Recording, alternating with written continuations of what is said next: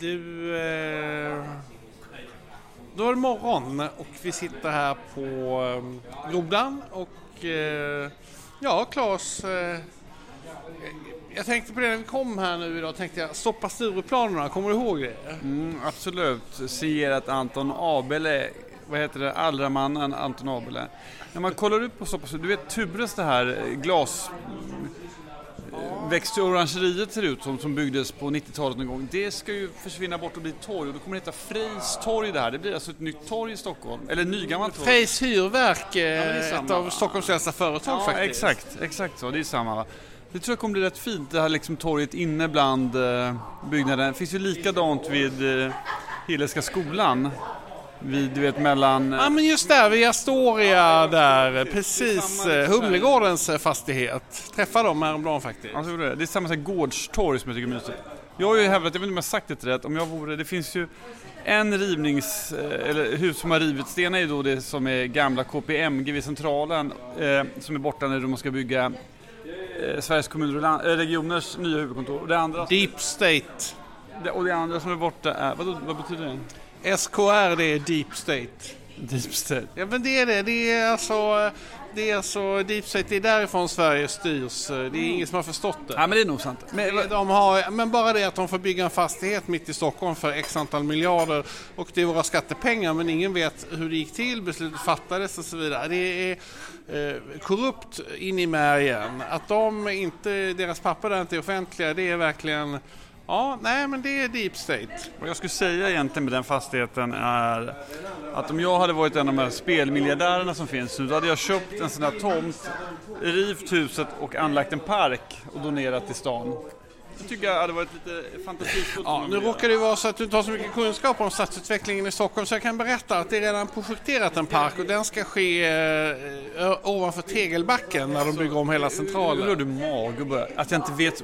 Man, kan man bara göra en park i Stockholm då? Eller vad Men är... jag tror ju att behovet av parker eh, är ganska litet med tanke på att det kommer att bli en liten park alldeles bredvid. Det kommer kanske ta, det kommer ta väldigt lång tid men det är inget lämpligt område för en park heller. Vi som arbetar i området, vi, vi känner till det här. Inte, att du... Alltså, Jag är däremot väldigt sur för att innan kunde man cykla under eh, det här huset, eh, KPMG-huset och Sheraton-huset. Och den möjligheten har de tagit bort. Jag då komma vad hette den gången du som är så jävla bevandrad hit och dit? Ja, Suckarnas bro Nej, Det kanske. den inte, det är Venedig. Det heter Tysta Marie. Och vilket... Absolut, det är en väldigt trevlig cykelbana. Tysta Marie, vad var det för någonting mer? Ja, men det var där man skvallrade, jag kommer inte riktigt ihåg. Ja, men, Svenska Dagbladets svar på Hugin och Munin i eh, DN, det var skvallerspalterna, som ju inte finns längre. Och då kom jag in på en annan sak. ja, det är därför vi finns istället. Ja. Vi har tag, axlat den rollen, tagit över de stora dagstidningarnas viktigaste uppdrag. Du är Hugin och jag är Tysta Marie. Nej, jag är ju Svenska Dagbladet och du är DN. Jag är ju Tysta Marie. Okej, okej, du är Tysta Marie då. Ja, ehm, Du med din beskäftiga och mästrande ton passar utmärkt som DN-motsvarighet den här podden. Och jag som mer ödmjukt spanande som Svenska Dagbladet. Och apropå det, apropå tidningar, jag har noterat att eh, eh, David Bas har blivit krogrecensent. Expressens SD-dödare David Bas. Utmärkt reporter på alla sätt och vis har börjat skriva krogrecensioner. Vad tycker du om det? ja, men han har skrivit en väldigt rolig som handlar om Mattias... Riktigt bra. Eh, väldigt rolig om Mattias eh, Dahlgrens eh, fiskekrog eh, i, i Grand Hotel. Jag tror ju att eh, eh, Mattias Dahlgren har blivit liksom lite förvirrad. Eh, Det kan man bli av framgång och när man ska... Know.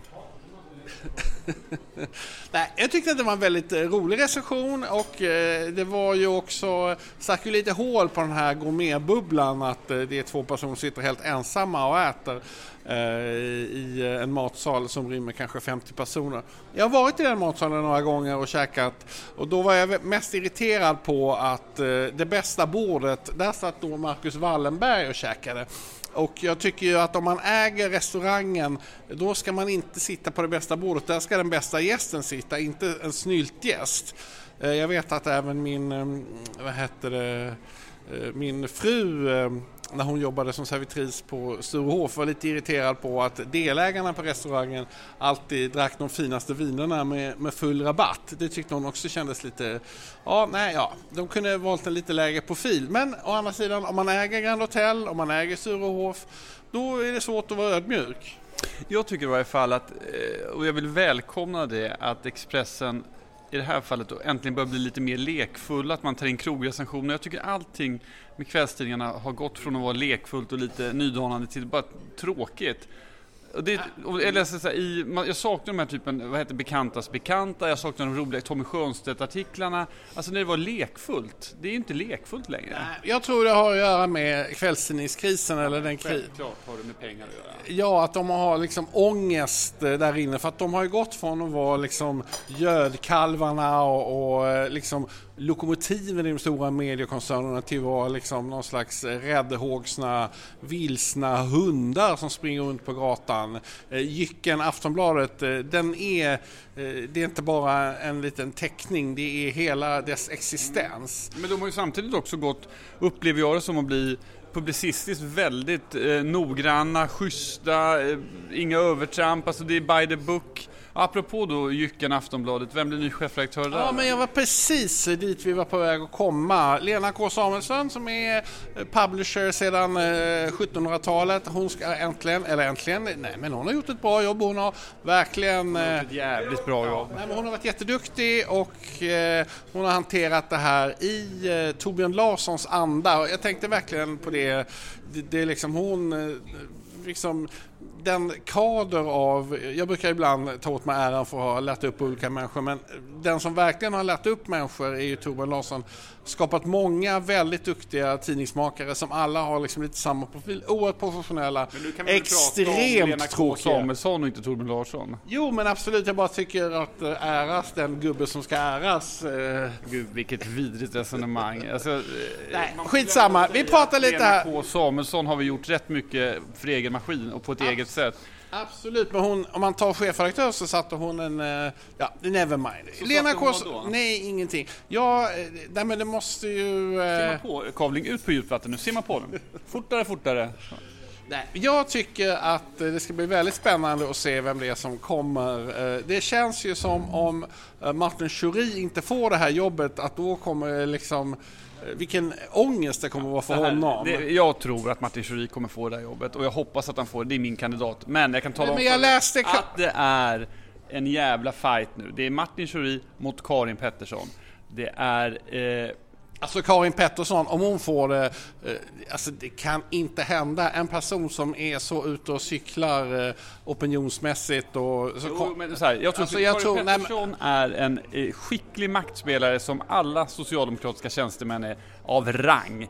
Hon har varit förvisso då Mona Sahlins kommunikationsdirektör, men förutom det så har hon varit chefredaktör på Fokus och för dem går det alltid bra för sen så har hon haft massa andra jobb på Schibsted inklusive något CSR hållbarhetsdirektörsjobb. Det vill säga hon kan organisationen, de känner henne, hon är på tidningen, hon är ett tryggt val. Sen håller jag med dig om att jag tror inte det skulle vara rätt val, men jag tror att det, jag tror racet är mellan de två.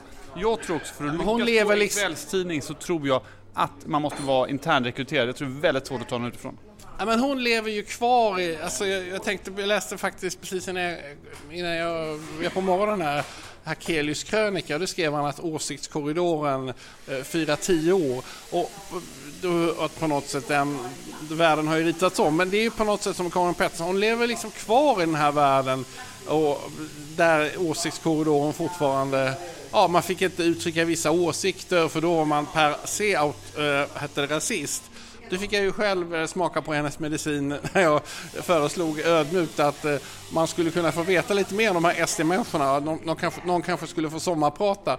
Det, det, det, det, fick jag ju veta då att, att ha gamla nazister i radion, det var helt förbjudet. Så att, jag tror med den åsikts... Det var väldigt framsynt av dig att ha. När skrev du den artikeln? Ja, det, det, var kanske tio år sedan. Men jag tror, jag tror att... Tror du, han få, tror du någon SD kommer få sommarprata? Ja, absolut. Så I fort år, hon, Bibi, eh, Bibi Grön, slutar, då, då kommer det komma eh, liksom en del spännande personer. Då kommer de välla in Sverigedemokraterna på redaktionen. Då, då, kommer de välla in, ja precis. Då, men då kommer ju också den här eh, åsiktskorridoren, egen lägereld att, att slockna och det blir någonting annat. Men Ja, nej, men jag tror, vi, men vi kan väl hoppas på Martin Jag tycker... Ska det eh, finnas någon annan på, hur, hur, vilka finns det mer då på Aftonbladet som skulle kunna vara aktuella?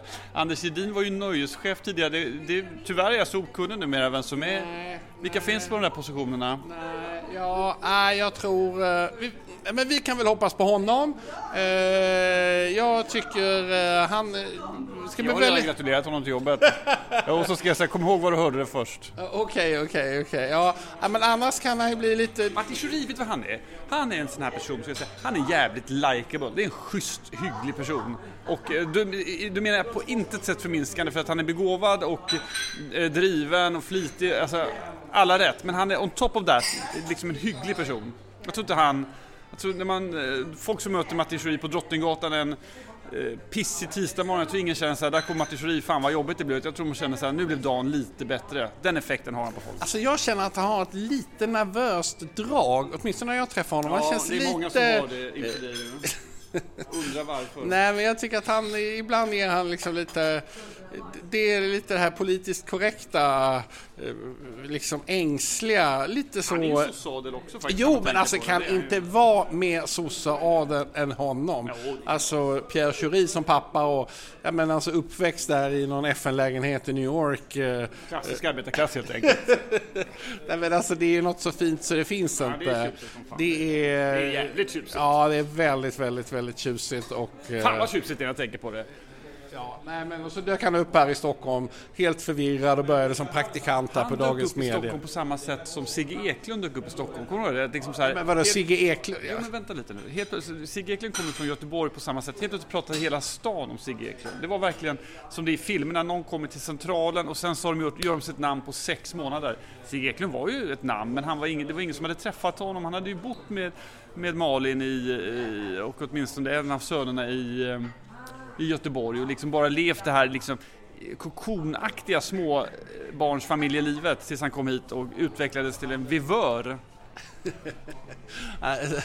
Vad heter det? Jag blev lite chockad när jag såg att han hette Viggo, alltså att Sigge också heter Viggo. Han har ju en son som heter Viggo, men det är tilltalsnamnet. Men det är ju väldigt, eh, det kändes, alltså nu är det ju väldigt, inte så unikt längre att heta Viggo, men, men länge var det ju väldigt speciellt. Jag har... Alla värstingungar heter Viggo numera. Det är nya Jimmy, det vet du.